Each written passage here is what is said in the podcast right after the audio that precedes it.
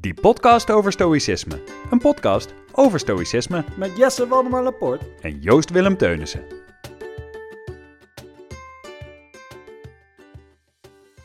Dames en heren, dit is aflevering 1 van die podcast over stoïcisme. Hey!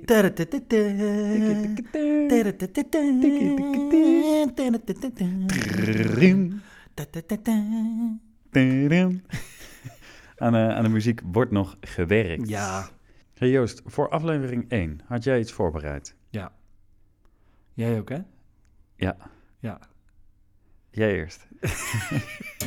Nou, Jesse, ik wilde het niet per se te zwaar maken. Oké, hoe komt dat? Eh, maar ik wilde toch met je praten over de dood. Dat is mooi dat je dat eh, niet te zwaar noemt. Ik heb, eh, ik heb eens een boek gelezen. Dat heet eh, zoiets als de, de Parade van de Dood, geloof ik. Oh, En dat heeft heel veel mensen hun eh, blik doen veranderen op hoe ze naar dood kijken. Waarom? Omdat er vijf verhalen in staan over hoe eh, verschillende culturen omgaan met de dood. En Ja. eh, het is natuurlijk zo dat wereldwijd gaan we anders om met de dood. Soms Ja. is het voor sommige mensen is het een feest. Voor sommige mensen gaat het echt om een soort passage naar het volgende. Dat hangt af van of je in een hiernamaals gelooft of in een eh, reïncarnatie Ja. of dat soort dingen. En daarom is het natuurlijk ook goed om binnen de filosofie en in ons geval dan over het stoïcisme natuurlijk over de dood te praten. Want dat is in hun geval, nou ja, het is niet licht, nee. maar het is zeker niet zwaar. Ja. En dat is eh, denk ik een goede om Ja. eh, het over te hebben vandaag. Zou je misschien kunnen stellen dat de hedendaagse maatschappij nogal zwaar met de dood omgaat, over het algemeen gesproken? Ja, ik, ik denk dat het niet eens per se op het spectrum van licht of zwaar zit. Ik denk vooral dat het in het stoïcisme dat de dood een heel belangrijk aanknopingspunt haast is, zeg Mm. maar. Omdat eh, ik denk inderdaad dat wij, eh, dat wij zwaar aan de dood tillen. En dat is niet echt een waardeoordeel, maar dat is gewoon zo. Maar ik denk vooral dat er veel angst is omtrent de dood. En we zijn er vooral liever niet mee bezig, omdat het toch een beetje een ongrijpbaar en spannend ding is Ja. waarvan we allemaal weten dat we ermee te maken hebben. Het is een beetje je studieschuld, zeg maar. ja, Zo dat, oh, ik open het maar niet, want eh, ja, op een dag loop ik er toch wel tegenaan. En dan, ja, dan is het er. En dan is de confrontatie meestal groot zat. En dat zal met de dood voor veel mensen ook zo zijn. Ja. Maar ik denk dus dat voor eh, de Stoïcijnen dat zij juist eh, zichzelf ertoe hebben gezet om de dood juist zo wezenlijk mogelijk te maken en zo, zo eh, normaal mogelijk. Soort, we krijgen er allemaal mee te maken en gebruik het gegeven van doodgaan in de keuzes die je bij leven maakt. Ik Ja. denk dat zij nou ja, dat hebben geprobeerd te, ja, hoe zeg je dat, verweven Ja. in de Stoïcijnse filosofie. ja. En dat maakt het niet licht of zwaar, maar dat maakt het belangrijk, Nee. denk ik. Ja. ja, ik vind dat interessant wat je zegt. Ik meen me ook te herinneren dat Seneca zoiets zei als... eh, de dood zijn eigenlijk alle momenten die al geweest zijn. Zo kun je daarnaar kijken. Dus hij zegt eigenlijk de dood is eigenlijk iets hè, wat al eh, zich voltrekt nu. Hmm. En zeg maar in je leven al bezig is. Want alles in het verleden is als het ware al je dood. Ja, Het is dat grote niets waar je uitkomt. En het is dat grote ding eh, wat, wat er eh, mogelijk ooit een keer is. En het belangrijkste is het hier en nu. ja. En ja, je bent, je bent vanaf het moment dat je geboren bent eh, naar de dood toe aan het Ja. gaan. Dat, dat weet je zeker. Dat wordt je- Onvermijdelijk feit. Ja, dat wordt je absolute eindpunt. In ieder geval van je fysieke bestaan. Ja. Je, je- ja, ongeacht of er een hiernamaals is. Dus dan zul je het inderdaad moeten doen met nu. Ja, Zij zijn de uitvinders van het alombekende memento mori. ja, En eh, die, die zin kennen veel mensen. Maar dat het Ja. uit stoïcisme komt, is dan weer eh, voor minder mensen bekend. Of tenminste, we kunnen niet zeggen dat het uit Nee. het stoïcisme komt. Maar het is wel eh, wat, wat Marcus Aurelius eh, de hele dag in zijn oor liet fluisteren door een Ja. van, zijn, van zijn onderdanen. Die de hele dag naast hem liet om zichzelf nederig te houden. ja. Die zei de hele tijd gedenk te sterven, in dus Ja. het Latijn memento mori. En dat, dat is wel degelijk te koppelen aan het stoïcisme. ja zeker. Ja, en die, we kunnen wel zeggen dat die inderdaad eh, de dood hebben gebruikt in die zin om hun leven waardevol te laten Ja. zijn, denk ik. Ja, dat vind ik ook heel mooi aan het stoïcisme, is dat het iets wezenlijks wordt, maar inderdaad niet te zwaar of niet te groots. Of, nou ja, ik kan me voorstellen dat als je je gedachten vaak laat varen richting je ster- eigen sterfelijkheid, dat dat een gevoel van neerslachtigheid met zich meebrengt, hoe dan ook een keer zich aan je zal ontvallen. Zo Mm. van, ah, kijk, ik ga dood. Ja, Alles wat ik nu ervaar zal ooit stoppen. Ja. Ja. ja, als je de dood alleen maar ziet als eindpunt, is dat inderdaad niet eh, hoopgevend. Ja, nee, absoluut niet. Nee, terwijl de grap is dat dat juist heel hoopgevend zou kunnen zijn. Ja. Een soort van, eh, oké, ik weet dat... Nou, sterker nog, wat, wat vind je van deze stelling die ik heb voorbereid? heel goed heb voorbereid net. Als er geen dood zou zijn, was al het leven zinloos. Ja, die stelling die snijdt nogal hout. En ehm, die lijkt met wat je eerder zei, de dood is inherent aan het leven. Hmm. Zonder leven geen dood en zonder dood geen leven. Dus daarmee zou je kunnen stellen dat de dood omarmd moet worden als een natuurlijk deel van het leven. Eerder een soort cyclisch geheel zou je eraan kunnen eh, ont- ontnemen. Wat Marcus Aurelius heel mooi zei, Alexander de Grote was een heel mooi mens. Hmm. Maar hij ging dood op het slagveld, naast zijn paarden en naast zijn, eh, zijn wagenmanners. Hmm. En die gingen eh, in dezelfde grond in. Ja, En die eindigen als voer voor de wormen. ja. Dat, eh, dat gaat op voor Alexander, maar ook voor zijn paarden en zijn slaven... die eh, met hem stierven op dat slagveld. Ja, maar de, de stelling is, zonder de dood was alle leven zinloos. Zeg Mm. maar, de dood is natuurlijk voor iedereen gelijk en het is onvermijdelijk en het is onderdeel van het leven, Ja. dat sowieso. Eh, en, en dat gaat dan inderdaad meer om, om de acceptatie van dood bij leven. Maar eh, wa- wat denk jij dat alles wat wij doen of zouden doen als mens, denk je dat dat zin zou hebben als we niet dood zouden gaan? Zou het nog uitmaken? Ik denk eh, in eerste instantie zouden we er misschien ons op verheugen... als het ons nu zou kunnen gebeuren dat we onsterfelijk zouden kunnen worden... Mhm, Want dan ga je van onsterfelijkheid, of dan ga je van sterfelijkheid naar onsterfelijkheid. mhm. Maar als het je van meet af aan duidelijk zou zijn dat je onsterfelijk zou zijn, dan krijg ik een beetje dat gevoel wat ik had toen ik voor de eerste keer een spelletje speelde waarbij ik onsterfelijk werd. En toen was dat spelletje voor mij heel snel klaar. Saai, hè? Dat werd super saai. Ja, want het maakt niet meer nee, uit. ja, het maakt Nee. eigenlijk geen kak meer uit wat ik doe. Nee. Want mijn poppetje gaat toch niet dood. Als er geen dood zou zijn, was alle leven zinloos. Ja. Want het maakt niet uit Nee. wat je doet. Nee, en dan is, dan is er dus geen risico meer. Dus dan zou je, als wij nu inderdaad onsterfelijk zouden worden, dan zouden we misschien dat ene meisje uitvragen. We zouden toch gaan bungee jumpen. We Ja. zouden dit, dat. Ja. Maar dat is omdat wij die switch zouden meemaken van, van sterfelijk naar onsterfelijk. Maar onze kinderen, die dan onsterfelijk zijn, als wij zeggen, joh, niet eh, te laat thuiskomen, hè, dan zeggen ze, anders wat? ja, nou ja, eh, misschien eh, ligt er iemand op de dijk met een mes. Ja, en dan? dus er gebeurt niks. Komt die doen dan? Ja, maar ook, ook carrière maken. En kijk, tuurlijk zijn er, eh, zouden er ongemakkelijke gevoelens overblijven. Ho- Honger, pijn, dat soort dingen zouden blijven bestaan. Maar die zouden ook minder erg zijn. Want waarom hebben we last van pijn? Omdat er een doodsangst Ja. op de loer ligt. We zijn niet alleen beroerd om pijn te verdragen omdat het vervelend is, maar ook omdat er angst is Ja. voor iets ergers. En als je er niet aan doodgaat, dan is ook die pijn, daar, zijn, Ja. be- daar ben je dan heel snel overheen. Ja. Dus ja, waarom nog je dromen realiseren als je toch niet doodgaat? Ja. En, en, eh, en, en zelfs al realiseer je ze, ja, dan heb je op een gegeven moment, je hebt geen eindpunt. Ja.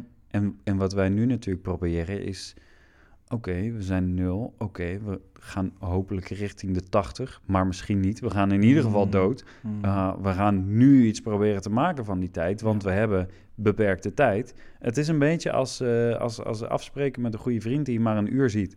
Dan ga je niet Netflixen, nee, omdat je weet, ja, eh, we- zijn maar kort samen. Ja. We gaan die tijd goed besteden. precies. Tenzij Netflixen natuurlijk is wat jullie samen het liefste doen. Dan is dat heel goed besteed en dan is het vooral makkelijk die tijd invullen. Ja. Dus stel dat ik dan, stel wij zouden elkaar nu een uur zien, dan zouden we die tijd goed besteden. En stel er komt dan iemand binnen en die zegt: Nee, jongens, eh, jullie zien elkaar eh, nu nog eh 300 uur achter elkaar. Ja, dan, het, het- ja, dan zouden we dat eerste uur niet eh, meteen onze diepste gesprekken voeren. Nee. ik zeggen: Joh, eh, ga lekker zitten. Ja. Ik ga even naar de wc, wil je wat drinken? en dan, ja, toch? Dan, Ja, precies. eh, wordt het minder belangrijk. Ja, precies. Dan zou ik zeggen, nou, ik ga eerst even slapen als je het niet erg vindt. Ja, ja, ik ben hartstikke moe. ja, Ik zie je toch nog 300 uur, joh. ja, ja, nou ja, dat maakt het niet meer uit. Ja. En als die 300 uur dan steeds verlengd wordt, denken we op een gegeven moment, ja, ik vind het gezellig, maar ja, wat maken die gesprekken ook nog uit? is grappig, want volgens mij is 300 uur ongeveer zo lang eh, als onze vakantie samen was eh, afgelopen augustus. We hebben nul Juli, uur, augustus. we hebben nul uur genetflixt. Nul uur. Nul uur genetflixt. Super productief. ja, nou ja, we hebben gewichtjes gesneden uit een blok hout. We zijn wezen strandzeilen, we zijn wezen midgetgolven. We hebben eh, vrienden gemaakt, we hebben vuur gemaakt. We hebben heel drie van deze boeken gedronken. voor ons gelezen. Ja, precies. Ik heb eh, geen boek gelezen. ja, we hebben, we hebben onze tijd redelijk benut voor mensen die, eh, die proberen te ontspannen en hun korte tijd samen proberen te besteden. Ja, Dus toch? Dat, ja, ja. Maar dat is natuurlijk omdat het gelimiteerd is. Ja, En dat, eh, nou ja, daar, daar kwam mijn stelling dus een beetje vandaan. Ja. En dat is, nou, retorisch was het niet, maar ik had er natuurlijk wel mijn eigen idee overal. over wat het zou betekenen. ja en precies. om dan weer even een bruggetje te slaan, denk ik dat dat, nou ja, niet helemaal is wat de Stoïcijnen bedoelen met memento mori. Maar ik denk wel dat ze met memento mori willen zeggen, onthoud dat, dat, dat je tijd beperkt is. Ja, En, en eh, besteed die tijd dus goed. En eh, nou, ik, ik eh, merk dat ik als ADHD'er bijvoorbeeld, vind ik het de laatste tijd weer heel lastig om me te focussen. Ik vind het moeilijk om te werken. Mm. Ik, ik vind het moeilijk om mijn werk gedaan te krijgen. Ik zit naar mijn laptop te kijken en dan wil ik op social media of dan wil ik iets anders doen. Ik wil vooral niet, niet aan de slag. Veel, de, gewoon de hele tijd, ik kan me niet focussen. En dan denk ik soms aan, aan wat uitspraken van de Stoïcijnse meesters. En eentje is van, ik denk Seneca, die zegt... eh, How long are you going to wait to demand the best for yourself? Mm. En nog wat, nog wat, nog wat. En dan gaat het over, eh, nou ja, over, over dit, over, over je tijd nu gaan gebruiken. Want je tijd, je tijd raakt op. Ja. En hoe lang ga je wachten om die tijd goed te gebruiken? En dan voel ik altijd van, dan, dan voel ik me eigenlijk meteen gemotiveerd. Dan denk ik, oh ja, Ja, ik lig nu op de bank eh, op mijn Instagram te kijken, omdat ik geen zin heb om te werken. Maar ik moet deze tijd gewoon even goed besteden. En ik heb meteen zin om iets te doen. ja, Dus dat werkt wel. Een soort even die, die reminder van, oh ja, even mijn tijd goed besteden. En ook al ga ik dan iets doen waar ik geen zin in heb, dan is die tijd beter besteed ja. dan, dan met niks doen. ja precies. Ja, Ja. Ja, ik merk wat mij daar heel erg in hielp. Ik, ik ben dan waarschijnlijk geen ADHD'er, maar ehm, was het gaan eh, journalen van mijn dagen. ja, En nou ja, dat, dat ben ik gaan doen door jou. Je hebt mij voor mijn verjaardag een heel mooi zelfgemaakte journal gegeven.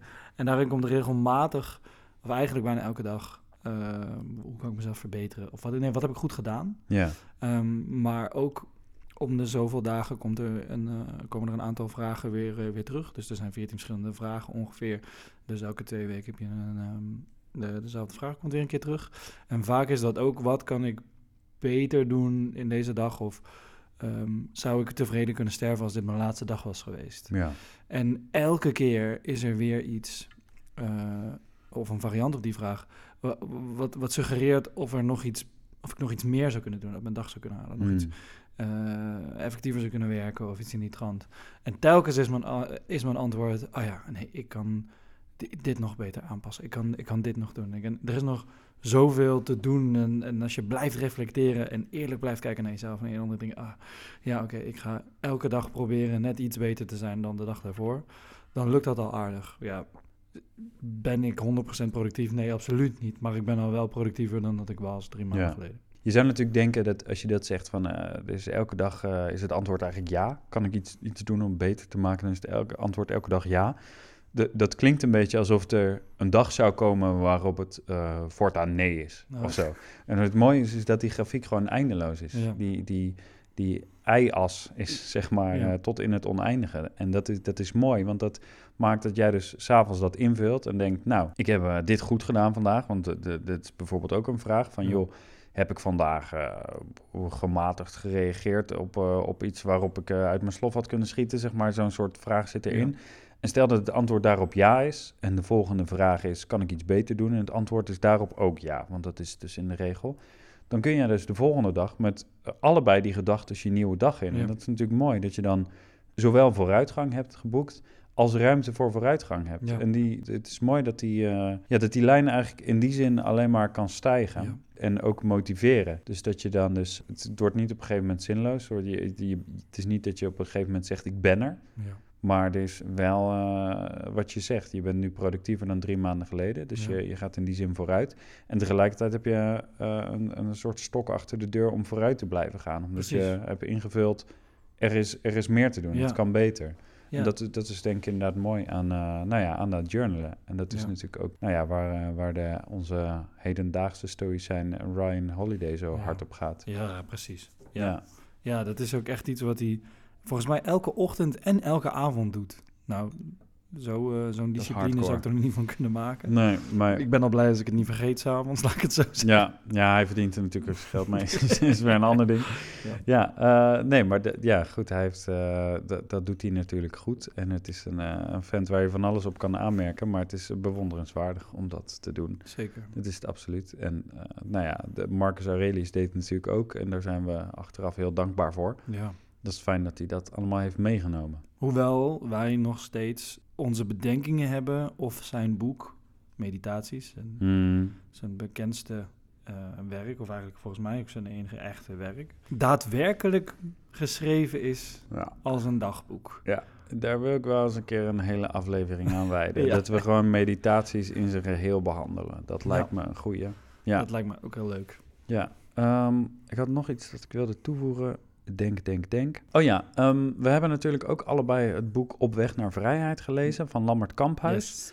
Ja, en eh, het grappige is, is dat hij in zijn verantwoording, bedenk ik nu opeens, we hebben dit helemaal niet op deze manier voorbereid, maar zijn boek heet Op weg naar vrijheid en niet vrijheid of eh, weg naar vrijheid Mm. of zo, of eh, zo bereik je vrijheid. Hij, hij legt ook uit dat Op weg naar vrijheid heet omdat je leven de weg er naartoe is. En eh, omdat er dus altijd ruimte voor verbetering is, zegt hij in dat boek. Dus het gaat niet om. eh, eh, Seneca zegt zelf ook van: ik, ik ben er niet, maar ik ben wel verder dan de meesten. zeg maar ja. zoiets zegt hij. Ja. Dat, dat wordt ook genoemd in het boek. Ja. Dat, ehm, nou ja, dat, is- dat is mooi. Dat gaat over dat proces. Seneca was daarin soms een harde, hè? Ja, jij hebt daar meer over gelezen dan ik. Ja, in Seneca levenskunst. zeker toen ik in de eerste hoofdstukken bezig was, vond ik het gewoon een hele nare man op een gegeven moment. Levenskunst, even voor de luisteraars, is een, is een bundeling van Ja, zijn, Zijn- brieven. brieven. Ja, aan eh Lucilius en ehm, nog een eh, aantal personages komen naar voren in dat boek. Lucilius zou ik willen verbeteren als het mag. Oh ja, Lucilius. En, ehm, en, en nog een paar, volgens mij. Nog een vrouw die die schrijft en, een, en nog een aantal. En een van de dingen die hij daar ook over zegt is zo van... Als je oud bent, dan heb je enkel lang bestaan. Het wil nu niet zeggen dat je echt hebt geleefd. Ja, Je, je bent er gewoon al een tijd. En dat heeft iets nederigs of zo. Zeker nu ik zelf merk dat eh, ik reeds halverwege de dertig aan het gaan ben. En je kan me niet meer jong noemen en ik ben ook nog niet oud. Maar ik merk al wel dat het iets, die uitspraak al iets met me doet. In de zin van de jaren aan zich geven je niks nieuws. Geven je niks Nee.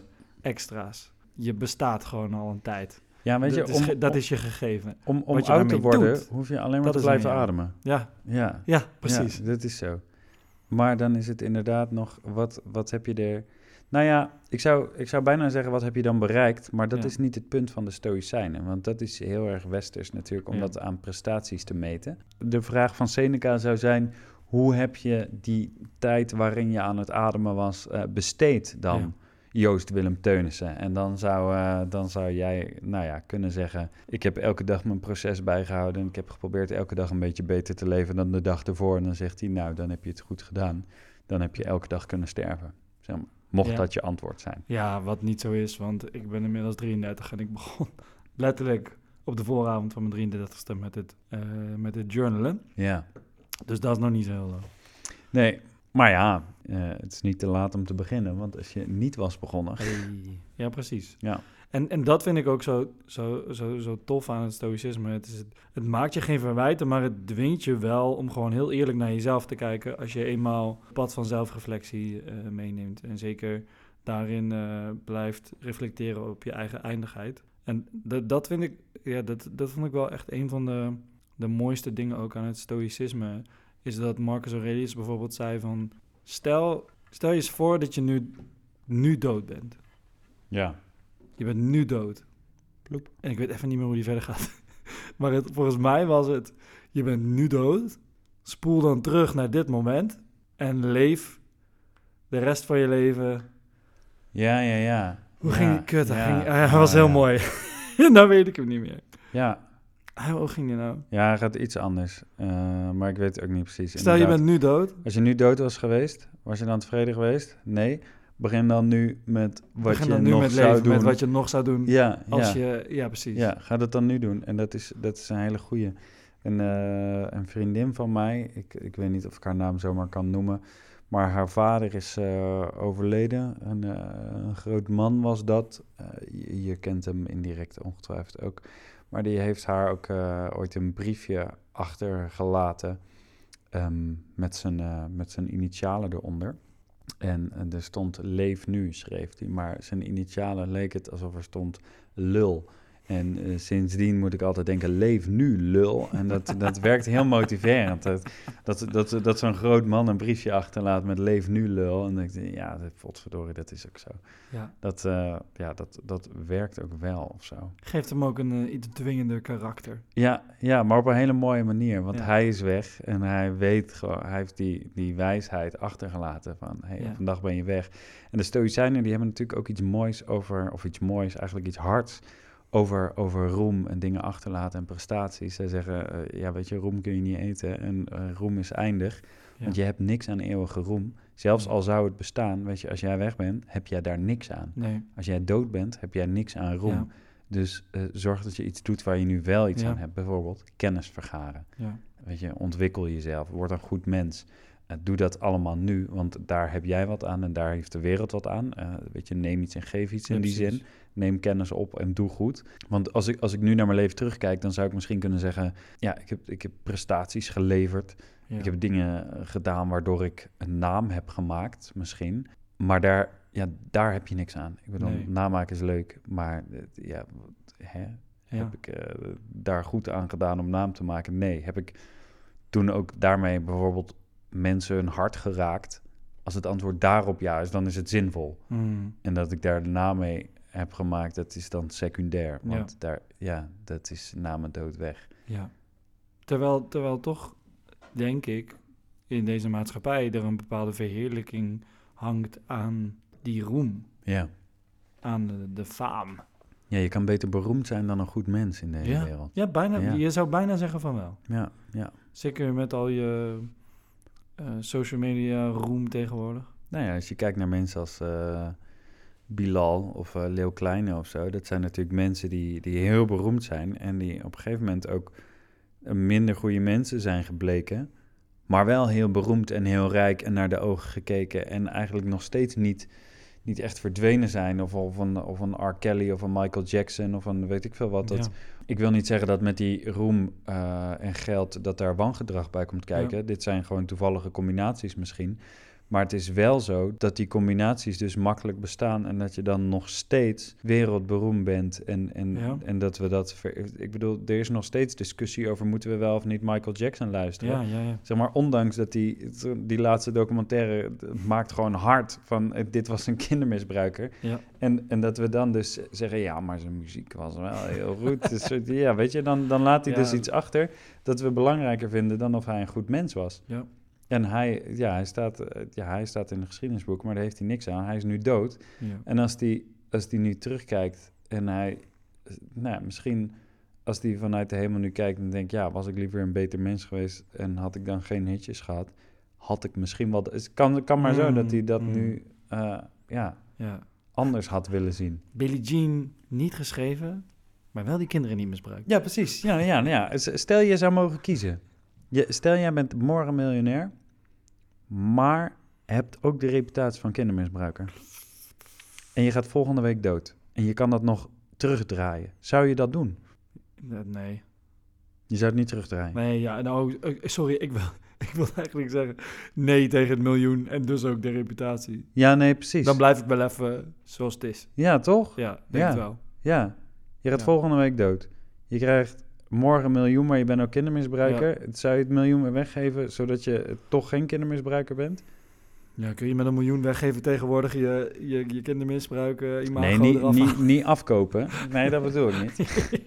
Nee, ja, maar snap je? Ja, Eh, ja, snap weet je. Ja, je bent er gewoon... Je redt je eigenlijk ook wel zonder dat miljoen. Ja, zeker En weten. dan blijkt je opeens een goed mens. Ja, dat is, dat is Ja. toch ook best prettig. Ja, dat zou fijn zijn. Ja. Als dat dan wel is wat gebeurt. Ja, weet je, en dat, dat is ook zo. In, in hoeverre eh, moeten we, en dat is ook iets wat eh Marcus Aurelius geloof ik zegt. Ik ga denk ik deze keer de quote niet butcheren. Eh, maar volgens mij zei hij... Stop arguing about what a good man should be. Hmm. Be one. Ja, En dat vond ik ook gewoon heel mooi. Ja. We kunnen er oneindig over lullen. Maar uiteindelijk moet je het gewoon in de praktijk brengen. ja, En maakt het eigenlijk geen zak uit of anderen dat van jou vinden. Maar als jij in die spiegel kan kijken aan het eind van de dag. En je schrijft die gedachten op. Of je, je ligt in je bed onder je warme dekens. En je denkt na over je dag. En je vraagt jezelf af. Heb ik goed gehandeld? En wat heb ik goed gedaan? En je kan daarin dingen benoemen waarin jij kan concluderen voor jezelf. Ik ben een goed mens geweest vandaag. Dan is dat het. Dan Ja. is dat alles wat je nodig hebt. Ja, en het is natuurlijk een beetje tegenstrijdig. Want als we niet zouden eh, praten over wat goed doen is, dan zouden we het ook niet kunnen doen. Ik bedoel, je kan ook niet zeggen stop met praten over wiskunde en doe het gewoon. Uh, maar anderzijds is het Dan natuurlijk. is worteltrekken nog steeds heel lastig. ja, precies. We, en we willen best weten hoe dat dan moet. Ja. Uh, maar anderzijds is het natuurlijk, ja, je kan niet eeuwig bakkeleien en het dan vervolgens niet in de praktijk brengen. Ja. Daar heb je vooral niks aan. En het is inderdaad wat jij zegt, en dat is misschien nog wel het moeilijkste hieraan. Echt eerlijk naar jezelf kijken. Echt reflecteren. Echt kijken, heb ik goed gedaan? Ben ik een goed mens? Als je daar echt, echt, echt ja op kan zeggen, dan is de kans dat je een slecht mens bent ook redelijk klein. ja. En het is gewoon heel moeilijk om zo eerlijk te kijken, denk ik. ja. Uh, en ik denk dat als we dat echt wel doen, dat we een heel eind komen. Ja. ja, dat denk ik ook. Wat het voor mij deels heel moeilijk maakte, is uh, door zo reflectief te kijken, je heel snel met een aspect van jezelf te maken krijgt, namelijk je ego. Mm, leuk En- dat. Dat is een harde stem in mijn hoofd, jongen. Mm, Dat is echt een hele grote, merk ik, eh, veroorzaker van angsten, veroorzaker van paniek. Ook een grote drijfveer in mijn leven, want ook verlangens eh, zijn, Ja. mijn verlangens zijn eraan gekoppeld. En dat is mijn entiteit. Dat is echt een soort van eh, leeuw om te temmen, zou ik willen zeggen. Ja, Ryan Holiday's boek is getiteld, of een van zijn boeken over het stoïcisme, Ego is the Enemy. Ja, dat denk ik niet. Dat denk ik ook niet. Dat is zeker, en hij zei het zelf geloof ik ook ooit in een podcast van, ja, ja, ik weet het, dit is een fucking provocerende titel, maar ja, ja. het werkt wel of niet, want je gaat er wel naar, Ja, precies. je gaat er wel naar kijken. Hij heeft ook een boek geschreven over marketing, moeten we even zeggen, dus hij weet, hij hij weet weet, het. wat hij doet. Ehm, maar ik vind het, ik vind het de, de, de stelling mooi, omdat die natuurlijk zo, eh, zo zwart-wit is. En ehm, daar kun je dan mooi tegenaan schieten. Dus ik denk niet dat het zo zwart-wit is, maar ik denk wel dat het een soort tembare leeuw is in jezelf. Ehm, waarbij het goed is dat je hem eh, soms kunt beteugelen. Omdat hij ook een veroorzaker is van heel veel leed. Ja, absoluut. Ik, ik denk dat die eh, ego, eh, dat het begint bij herkennen ervan, wat je Ja. nu zegt. Jij ziet hem. En dat is denk ik een goed begin voor, voor groei. Ander belangrijk ding is denk ik, zeg maar, als het gaat om die, om die groei en om, waar ga ik nou naartoe? Oh ja, om, om goed te doen, denk ik dat eh, op het moment dat je allebei doet, praat en probeert te groeien, dat die combinatie natuurlijk eigenlijk gewoon het sterkste is. Ja, Eh, als jij probeert kennis te vergaren, dan weet je ook beter wat goed doen is. ja. En dan, je mag wel discussiëren, maar het gaat vooral om het in de praktijk brengen. Maar Ja. stop gewoon met allebei niet, denk dan. Ja, toch? ja precies. Ja, en zolang je daarin open blijft en niet eh, zwart-wit wordt over mijn visie over een goed mens is beter dan jouw visie over een goed mens. ja, Want dan laat je dus te veel je ego spreken, denk ik. ja. En dan wordt het een ego-strijd. Als je denkt dat je het allemaal al weet, dan ben je eigenlijk alweer geen goed mens. Dus Ja. streef naar groei en naar goed doen. Ja. Ja. Hey, dit was denk ik een eh, goede aflevering. Ja, Eén. man. Yes. Ja. Allemaal bedankt voor het luisteren. Ja, dit was eh, die podcast over stoïcisme, aflevering Eén. 1. luister vooral aflevering 0 nog even terug als je iets meer introductie wil over wat we nou eigenlijk doen. Ja. En eh, Joost, dankjewel. Jij hebt bedankt. Tot volgende keer. Tot de volgende keer. Dit was weer een aflevering van die podcast over stoïcisme. Bedankt voor het luisteren. Je vindt ons in je favoriete podcast-app. Volg ons op Instagram En tot de volgende keer.